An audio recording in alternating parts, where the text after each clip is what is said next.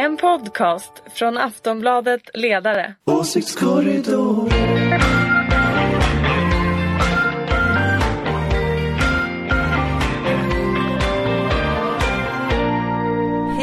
Välkomna till Åsiktskorridoren denna sportlovsvecka. Är inte riktigt i Stockholm men i andra delar av landet är det Stockholm.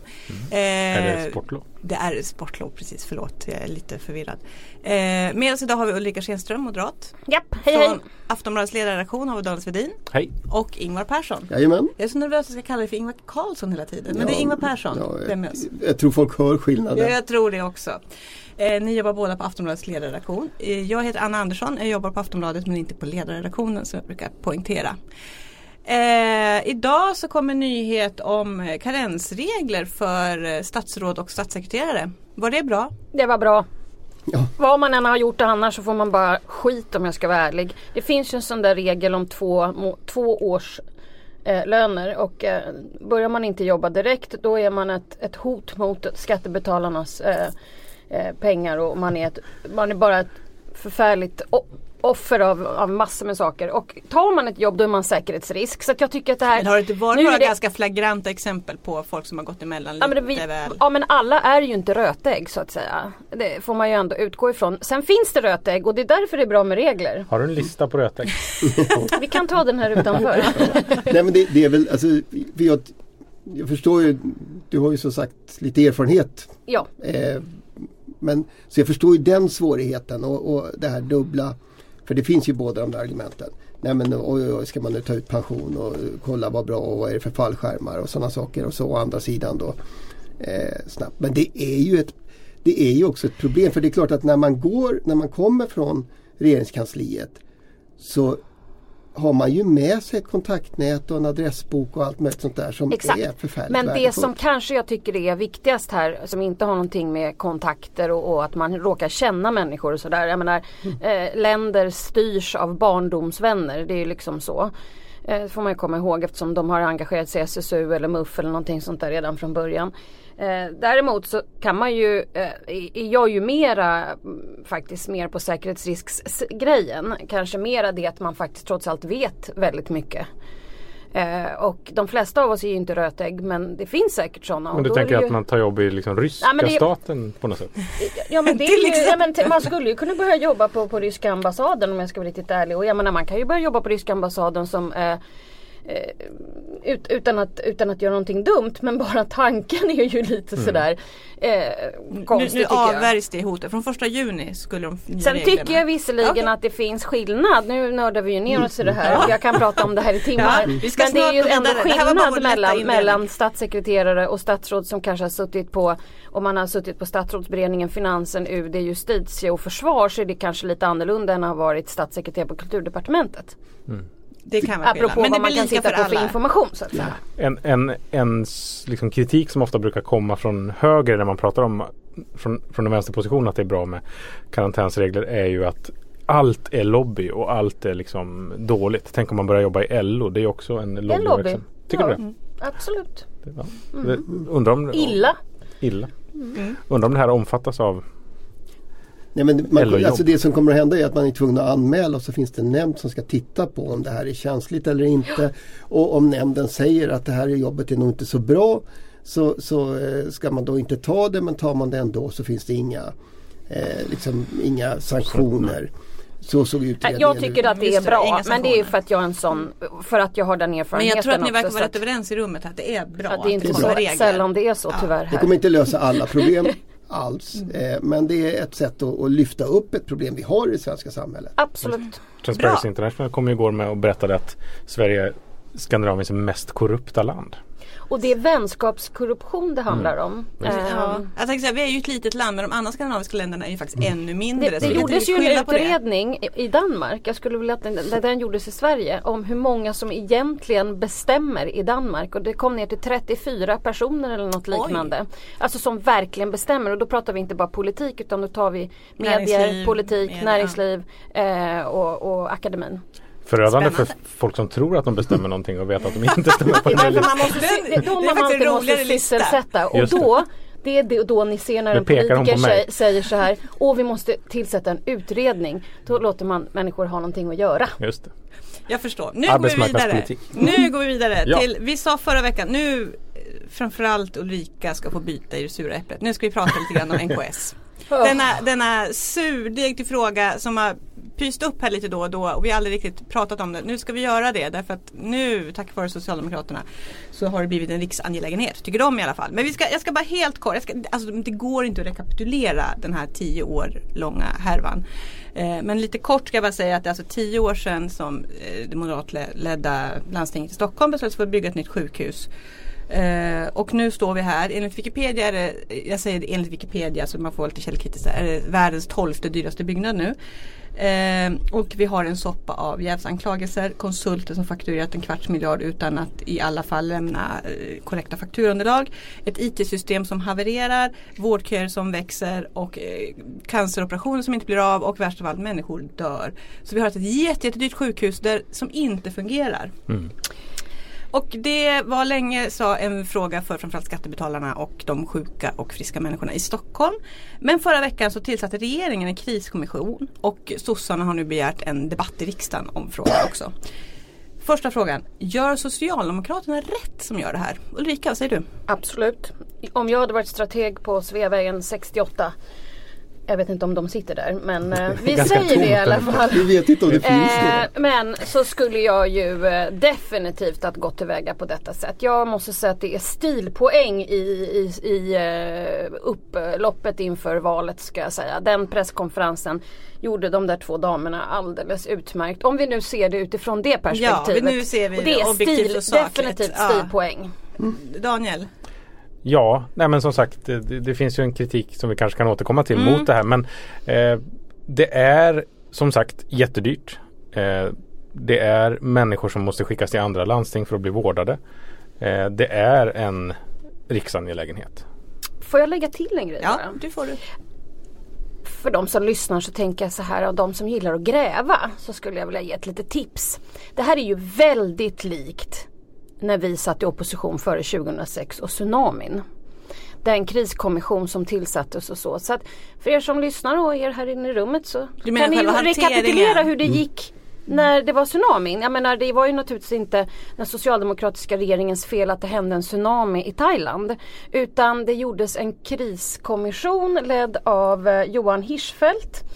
Eh, som egentligen bara handlade om olika förehavanden. När kom Lars Danielsson till jobbet? Kommer ni ihåg det? Det kommer vi mycket väl ihåg. Det sysselsatte medierna i åratal. Och jag kommer ihåg när jag kom in i statsrådsberedningen hur de här banden helt plötsligt bara ploppade ner i mitt knä. Den Och presskonferensen vi minns hade jag. en presskonferens. Då trodde jag det var revolution på gång. Ja, men, och, och vet du vad jag blev anklagad för då? Nej. Då var det medierna rasade mot mig för att jag hade tillsatt någon, någon, någon utredning eh, om de här banden för att få bort fokus på de där statsråden som då eh, höll på att avgå. Ja, och jag kan berätta för er, hade jag inte gjort den där presskonferensen då hade vi ju blivit anklagade för att ha manipulerat banden. Så att jag vill bara säga så här. Det här kan bli precis likadant.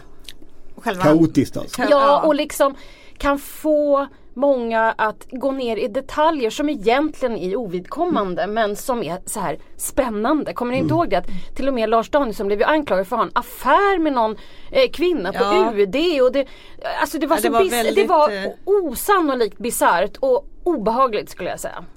Fast det var ju för sig tvärt emot vad Vi var ju då väldigt nöjda över att det var på det här Det sättet. Ja, jag tänkte ju säga det. Alltså, Eh, det och- och I så fall måste- talar ju det för att det här inte var så bra av Socialdemokraterna. Ingvar, vad- Jo. vad säger du? Ja, vi, jag, alltså, allt det där är ju eh, sant. Eh, Men Ulrika, du måste, du ser ju, du har något. Nej men jag bara, jag bara säger att jag, jag tror att det här kan bli precis likadant fast eh, kanske åt andra hållet så att säga. Ja. Nej men alltså jag tycker, jag, det, här, det är klart att det, det, det här är ju en jätterisk och det, och när, när liksom, och det, men där är vi ju redan. Att alla de här detaljerna håller på att rulla omkring och, och man funderar över det. Jag, jag tycker skälet till, alltså det finns också sakliga skäl för varför det är rätt att göra det här till en nationell eh, kriskommission, inte bara politiska även om det också finns politiska skäl. Och det är ju, det är ju just summorna, det är så fantastiskt mycket pengar det att det har betydelse. Det här är ett, ett sjukhus som ändå gör anspråk på att liksom vara spetssjukhus för hela svenska vården. Och det är finansieringsmodellen som ju är ideologiskt Och eh, då måste jag bara ifrågas- få berätta någonting. Ja, Ja. alltså det är nämligen så att det är offentlig privat Ja, samverkan. OPS eller som i vissa sammanhang kallas för PPP också. Eh, och om vi nu rekapitulerar tillbaka till 2006 och eh, om ehm, så, så var ju vi emot det här. Alltså jag har I ju regeringen. i regeringen. Ja. Vi Borg och Reinfeldt tyckte det var dåligt. Precis. Ja, och vi var ju några som försökte förmedla det här att vi var emot detta. Ja, men era Och den här- partikamrater i landstinget Nej, så att partiledningen. Var emot. Eh, Statsrådsberedningen och Finansdepartementet var starkt emot. Men man gjorde det här ändå. Varför då? Alltså på riktigt, hur, hur de samtalen, man blir ju väldigt nyfiken. Ja, alltså, ja, därför att jag tror att man verkligen ville bygga och ha den här, liksom, det här fina sjukhuset. Jag tror att det kan vara bara det Men en att man drev på, det vill ju alla vill ju ha ett fint sjukhus. Ja, ja, för liksom- Socialdemokraterna var ju trots allt med på detta i landstinget ska vi komma ihåg. Ilja Batljan som ju välkomnade detta och, och tryckte på rätt knappar i, i, i, när man voterade om det här. Så att, Ja det gjorde säkert också inte, det är inte, det är inte säkert att Socialdemokraternas partiledning var så nöjd över sitt landstingsfolk då heller om jag ska vara riktigt ärlig. Så det här har ju gjorts av, av, av Stockholmspolitiker. Om man En liten- läser den en här liten boken Sjukt detalj. hus som ehm, Var det Svenska Eh, Dagbladet, så- journalisterna? Mellgren på Sigge svenskan. Och- Nej inte Henrik. Ja, det. Henrik om precis. Ja, den, den boken eh, tar ju alla detaljer fram och tillbaka om de här förehavandena. Ja, vi ska, kan vi bara säga det också att alltså, Svenska Dagbladet har förtjänstfullt grävt i själva bygget av huset och nu rullar ju Dagens Ja, och- Nyheter upp de här eh, Och nyheterna in, efter in, nyheterna in, vad inget dåligt nu. DN men det är svenskan som har gjort det riktiga De grävet. gjorde själva byggprojektet. Precis. Den boken lär få ett uppsving så att säga. Daniel, du hade en, En kons- lustig en, detalj. liten, ja, en konspiratorisk detalj. Katarina Elmsäter-Svärd var ju landstingsråd när man Mm. bestämde sig för det här. Sen blev hon minister i regeringen Reinfeldt. Eh, nu jobbar hon på Sveriges Byggindustrier som eh, liksom lobbar för fler Apropå att Man Sverige är ett ser väldigt litet en land. båge här till vad vi nyss pratade hon, om. hon vill ha fler OPS-lösningar. Hon är utsedd bland annat av Skanska för att sitta i, som VD för Slukt. eh, den där branschorganisationen. Nu känner jag att Ulrika lyckas lite grann med här äh, leda bort mig med, med en kommission här. Ehm, Eh, som, som Daniel nämnde så har det ju kommit kritik mot Socialdemokraternas beteende här. Alltså DNs ledare idag och Expressen igår tror jag menar att, att eh, Socialdemokraterna, regeringen ger sig in på mark där de inte har att göra. Det kan till och med vara grundlagsvidrigt det de gör. Ligger det ingenting i det? Men så kan det säkert vara. Men om vi nu är politiska djurstrateger här och det är ett val. Så spelar det inte så himla stor roll. Därför att fokuset för svenska folket är sjukvård i det här valet. Det är jag helt hundra på. Eh, och nyckeln till Rosenbad det här valet kommer att handla om vård, omsorg, pensioner. Trust me. Och då är det så att vi har en regering som just nu håller på och gräver och vill få upp en frågan. Men det, bara, det kommer ju vara väldigt mycket enklare nu när det är fokus på sjukvård. Hade det varit fokus på ekonomin, alla var rädda och eh, få flytta eller att det, man inte skulle ha kvar jobbet och sådana saker. Då hade detta inte varit samma sak. Men nu är det så att svenska folket verkligen är oroliga för om de får en canceroperation i tid. Att saker och ting sköts på rätt sätt. Våra oberoende socialdemokrater i rummet, vad säger ni? Ligger det ingenting i vad konkurrenterna på DN och Expressen skriver? Jag är ju inte så, eh, konstitutionellt Lag, ex- expert. lagutbildad. Men eh, det är klart att man får ha lite man får vara öppen för att det kan vara det men då får det väl bli en granskning i KU eller någonting. Ja det Eh, avslutade DN sin ledare idag. Ja. Detta ska anmälas i KU. Ja Som och det kommer det ju nog säkert med Nej precis Det kommer det ju säkert göras i, i, Det brukar ju alltid finnas. innan, dag, innan dagen är slut. Innan dagen är slut. Eh, men som sagt jag tycker ändå att argumenten för att det här ska utredas på liksom, statlig nivå. Sen kan man väl tycka att eh, den liksom inramningen är eh, på den här presskonferensen som i och för sig eh, Ulrika berömde väldigt mycket. Ja men eh, alltså jag är liksom inte nöjd som valrörelse- moderat. Jag är inte nöjd Nej, alls. men som, som som eh, Machiavelli Ja, inspirerat. Oerhört snyggt. Stilpoäng. Mm. Eh, Men, men, ja, ja, ja, nej, men absolut. Och, alltså jag ty- trots, alltså man kan alltid, det kommunala självstyret är självklart liksom grunden och sådär. Men det finns frågor i det här som inte, har, som inte landstinget i Stockholm eller politikerna, de ansvariga i, i, har förmått besvara och som är av riksintresse. Då måste man ju försöka ta, få fram svar på det. Men sen, alltså jag, jag kanske förstör din men jag skulle, då, vilja, jag skulle vilja fråga Ulrika också. Alltså det, det har ju synts som om försöket att, att liksom kontra det här från Moderaterna i Stockholm som ju möjligen också har, har nu är Moderaterna i, i riket. Har liksom gått ut på att ha, ni pratar om NKS. Då tänker vi prata om kömiljarden. Varför? Och Är- andra är- illa skötta landsting. är, är det verkligen en bra är det ett bra svar i det här läget att försöka liksom Nej, alltså jag tror ju att den som kommer att vinna det här är den som pratar om vad de själva vill göra och kommer med lösningar som inte är att eh, skjuta på varandra hela tiden. Och ska Socialdemokraterna klara det här då ska de inte hålla på och skjuta på Moderaterna utan helt enkelt leverera egna förslag. Liksom att Moderaterna borde göra det också. Och inte hålla på med skyttegravskrig. Så att eh, om S-strategerna är smarta då skjuter de inte på M så, för det kommer skjutas på M i alla fall i den här frågan. Utan då börjar de lägga fram så här, uh, utredningar om sjukvården som är kanske lite större än bara NKS. Jag menar vad ska hända i framtiden? Ska vi ha sta- förstatligat eller ska det ligga på landstingen? Det verkar inte riktigt funka med landstingen om jag ska vara ärlig. Och min gamla kampanj från Fria Moderata Studentförbundet i början på 90-talet börjar bli mer och mer aktuell. Nämligen landstinget är farligare än knark. Ah, den hade inte Åtminstone vissa landsting. Didn't see that one coming. Ja, men, alltså, kan vi förvänta oss det som paroll? Min en egen ny tunnelbanekampanj. En helt ny ja. Just det, nu kom den. grepp. Eh, om vi bara backar lite grann. Alltså, hur illa är NKS för Moderaterna nationellt? Bryr sig folk utanför Stockholm? Alltså, Jag tror inte att folk tyvärr ehm, kan eh, dela upp Stockholm och, utan jag tror att det blir bara Moderaterna. Men, men tror ni att, att liksom, och det är därför det, är som så pågår här av, sprider av, av sig regeringen att göra så här. För att jag tror nämligen att det, man, man, ja och sen eftersom sjukvårdsfrågan är uppe och alla pratar om den, alla är oroliga och, och sådär fram och tillbaka så tror jag att att, att eh, det, det kommer inte spela någon roll om det är lokalt eller nationellt. Men, men Kristersson har ju dessutom lyft in Svenonius i, i partiledningen. Och skulle- så Irene Svenonius som alltså är landstingsråd Det är riktigt. i, i Moderat i Stockholm. det, det framstår väl inte heller kanske som, som ett riskfritt företag idag. Nej. Och hon, och hon ska väl vara med och utveckla just välfärdspolitiken. Eh, är väl tanken. Eh, nej men sen är det såklart att sjukvården är ju en sån fråga som är väldigt Bor man inte i Stockholm så tänker man väl mer på sin egen sjukvård. Alltså det där rör inte mig på det sättet. Men det finns ju någonting i storyn om som, med personkopplingarna och konsultarvoden och sånt där som ju liksom inte, det är inte bara en, Sen kom ju en sjukvårdsfråga utan det är också en fråga om en politisk kultur och, liksom, och Så är det. hur ett parti fungerar och ideologi och alla sådana där saker som eh, Men sen kom ju också Socialstyrelsen häromdagen med en ny rapport som visar på att eh, vårdgarantin inte fungerar i något landsting. Så att jag menar, det, här- det här kommer att kännas igen oavsett var du bor i Sverige.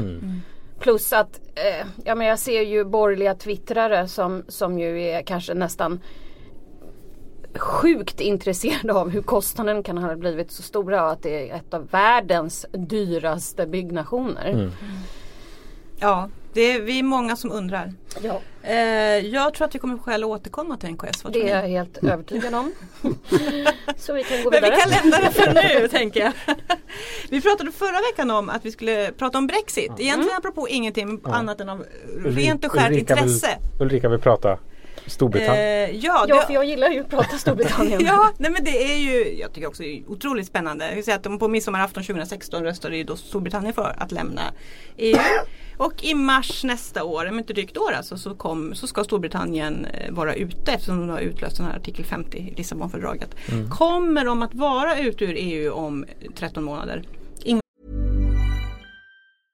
Hey, I'm Ryan Reynolds. At Mint Mobile, we like to do the opposite of what Big Wireless does. They charge you a lot, we charge you a little. So naturally, when they announced they'd be raising their prices due to inflation, we decided to deflate our prices due to not hating you. That's right. We're cutting the price of Mint Unlimited from $30 a month to just $15 a month. Give it a try at mintmobile.com slash switch. $45 upfront for three months plus taxes and fees. Promo rate for new customers for limited time. Unlimited more than 40 gigabytes per month. Slows. Full terms at mintmobile.com. Ja, det tror jag. Daniel? Ja. Ja, Ulrika? Ja. Tyvärr. Ehm, ja. Tyvärr för oss med tanke på att vi inte kommer ha någon kompis när det gäller i, i, i non-eurozone. Nej exakt, Storbritannien är det stora landet som inte har euro. De brukar liksom anses som väldigt viktiga för Sverige. Ja, ja, ja, I morse så eh, skickade jag på Facebook en eh, fråga eh, och frågade då vad som kommer vara värst som kommer att hända och sådär nu när Brexit och Vart skickar du den frågan? På Facebook ut till alla. Alltså, jaha. ja, och Ja. delade sådär. Trålade. Bara tråla runt Ja. lite.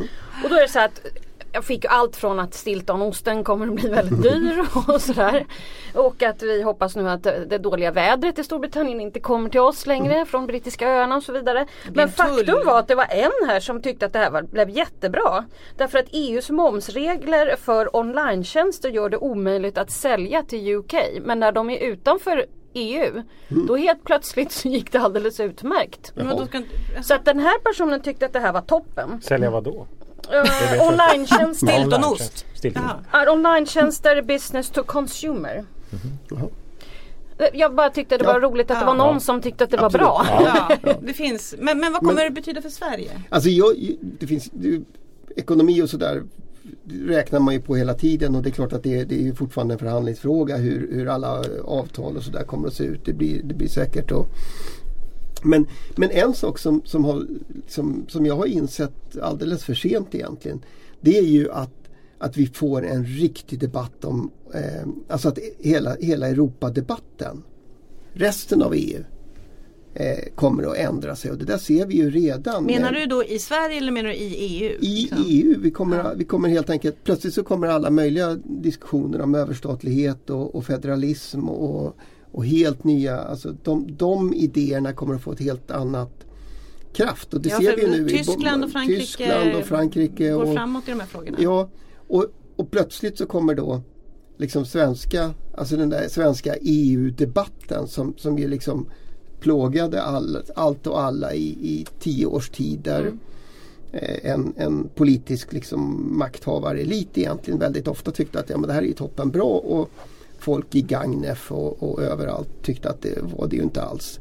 Alltså den har Eller Årgäng, där är de Eh, också negativa. Årgäng kan jag tänka mig. Ja.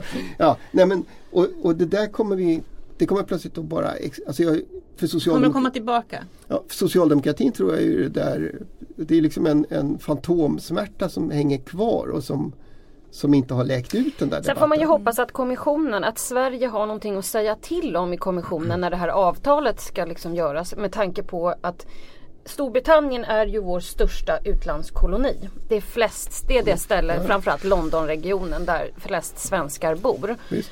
Och svenska bolag kommer ju ha det väldigt knepigt tror jag med handelsavtalen om inte kommissionen gör rätt typ av avtal som faktiskt även är bra för oss och inte bara är Tyskland och Frankrike hatar eh, Storbritannien känsla så att säga. Nej men det, och det, det känns ju som, det, som den, de förutsättningarna finns. Det, det svåra är ju att det är en sån vimsig regim. Ja, de verkar I- i- extremt i- i- splittrade liksom, inom Storbritannien. Alltså, dels liksom britterna, det finns många som fortfarande är sura för att de förlorade folkomröstningen. Men även liksom inom Tories, alltså Mays parti, så verkar det ju extremt Ja men där har det ju olika. varit så sedan 60-talet. Det är Ja, ju. Ja fast ju nu, nu jag läst ständig- precis, det var liksom olika ministrar som alla hade olika visioner om vad, det var Wall Street Journal som hade en artikel idag. Jag tror Eh, Om hur, hur olika, man, man faktiskt inte riktigt vet ens inom regeringen vad man hoppas uppnå. Theresa May ska jag åka ut till Checkers och alltså spöa det- upp sina ministrar Ja, nu i veckan. just det, de har möte där Men det är ju så tragiskt alltihopa att alltihopa hände på grund av att en viss stat, äh, premiärminister äh, ville behålla sitt jobb. Han Alltså, kommer det gå är till historien på ganska tråkiga grunder kan man Ja det säga. kan man verkligen Många säga. folkomröstningar som Sen får man ju säga så här, jag menar jag sysselsätter mig ibland på kvällarna och tittar på Night of the Proms för att jag tycker att jag, jag vet Det att jag är en osannolik nörd. Men jag tycker att det, bandade. jag har faktiskt till och med kamrater som köper biljetter till det där och åker till Storbritannien och går på det Det där. är ett trevligt evenemang ska vi säga. Ja men det är faktiskt Ja, ganska absolut. kul. Jag skrattar inte. Eh, Jag och ler och glatt. eh, när man ser det där så får man verkligen den känslan, de vill verkligen inte vara med oss. Nej. De är De är verkligen, egna. så, eh, de är ju öbor. Du vet, de är ju lite knäppa så att säga. Du vet. Inte så lite. Det bästa argumentet för att Storbritannien ska lämna eh,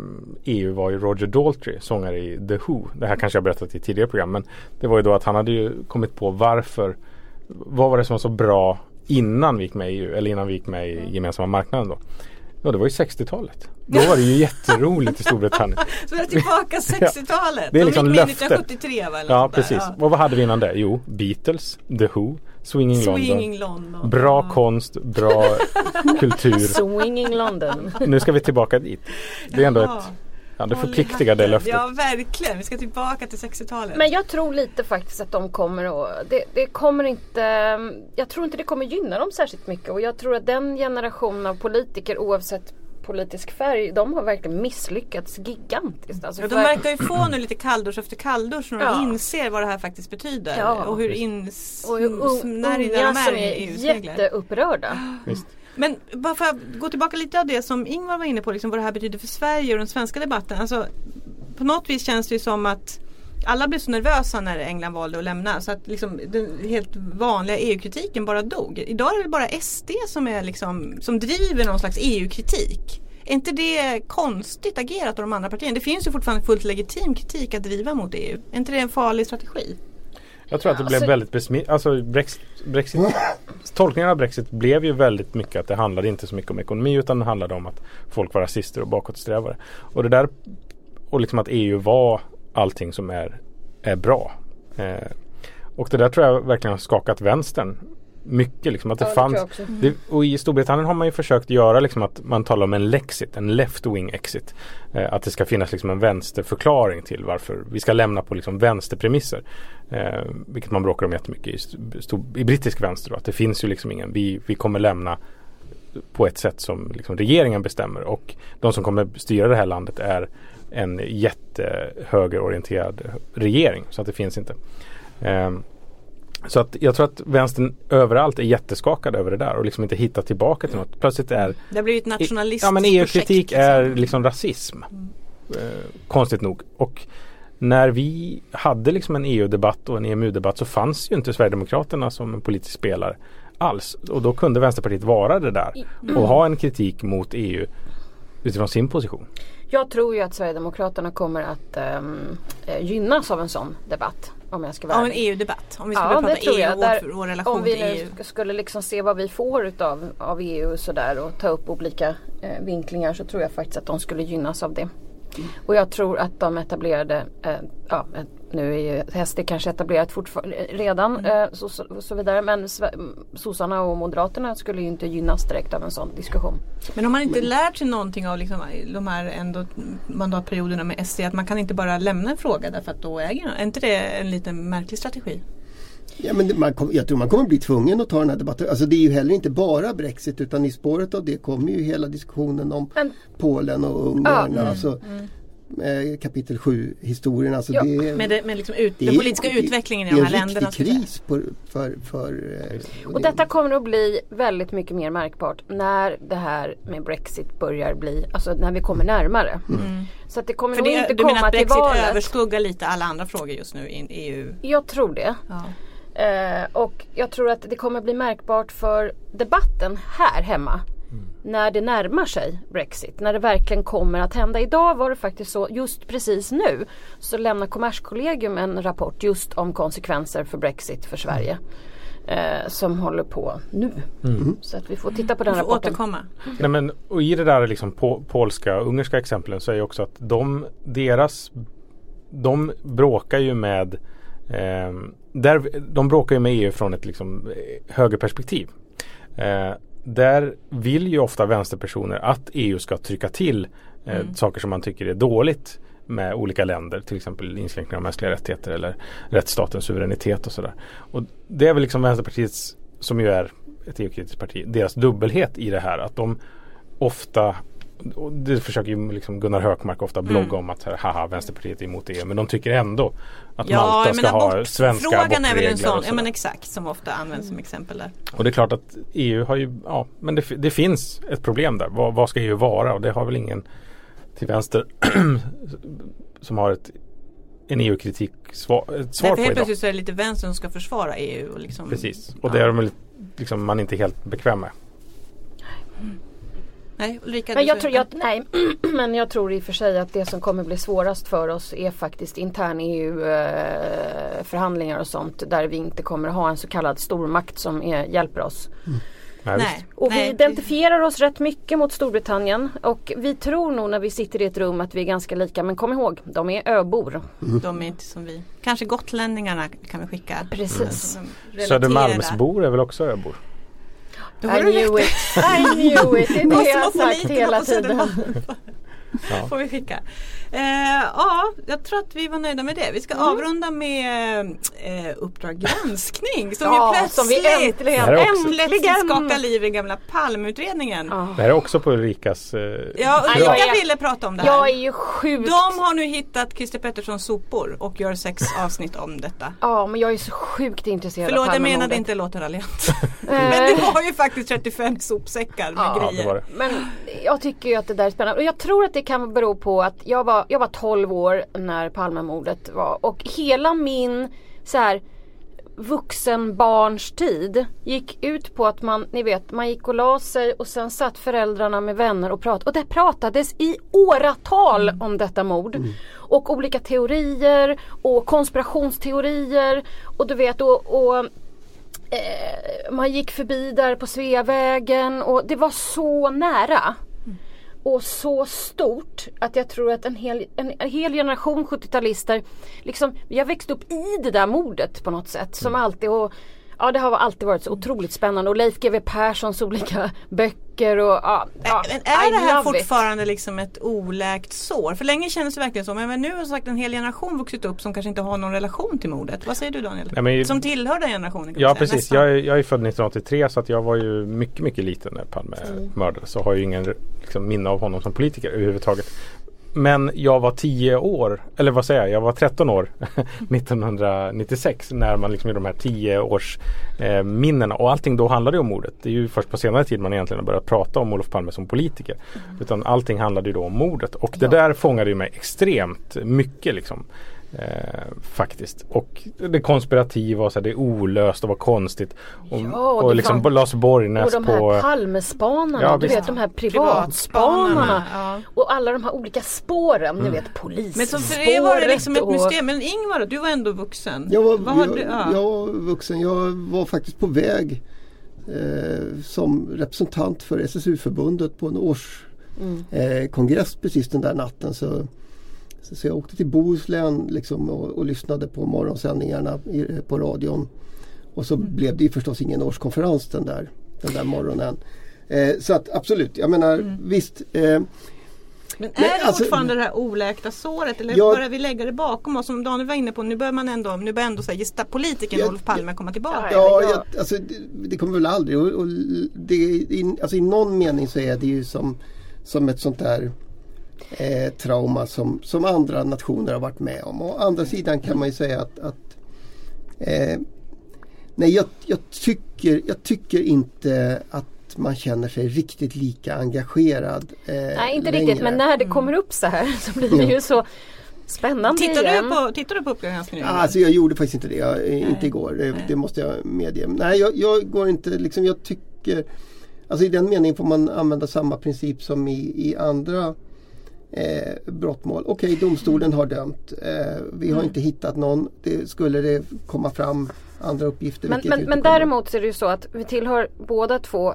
generationer som kan gå igång på en lördagsmiddag. Var var du när mordet Ja, ja, skedde? ja, ja. Ja, det är ju alltså verkligen det- en sån händelse som man Ja, och man har till. nördsaker som att det var Jan Ström som läste på Ekot och Mm. Kerstin Holm på SVT körde i direktsändning och man har liksom Ja, jag, vet, kan säga, jag var 16 år och jag minns det där natten otroligt tydligt. Ja. Det var, eller 15 år var jag, jag Ja. skulle fylla 16. Ja. Jo men då är vi samma, för vi, har, vi växte upp med det. Ja. ja, i allra högsta grad. Nej men det var ju, det var ju en fullständigt omskakande händelse på ett sätt ett, ett alltså i en annan mening, ett styrk polisiärt och, och rätts är det ju en, ett haveri förstås. Va? Men politiskt var det ett styrkebesked från den svenska staten. Alltså Ingvar Carlsson kliver in Allting och, bara fungerade. och tar över Absolut. i, i liksom stunden när, när en av hans äldsta vänner har, har blivit mördad. Det, det är ju ja, någonting Men sen blir det alltid så tycker jag. Och jag vet inte om ni har samma erfarenhet av det men nu kanske jag är bara nördig sådär. Men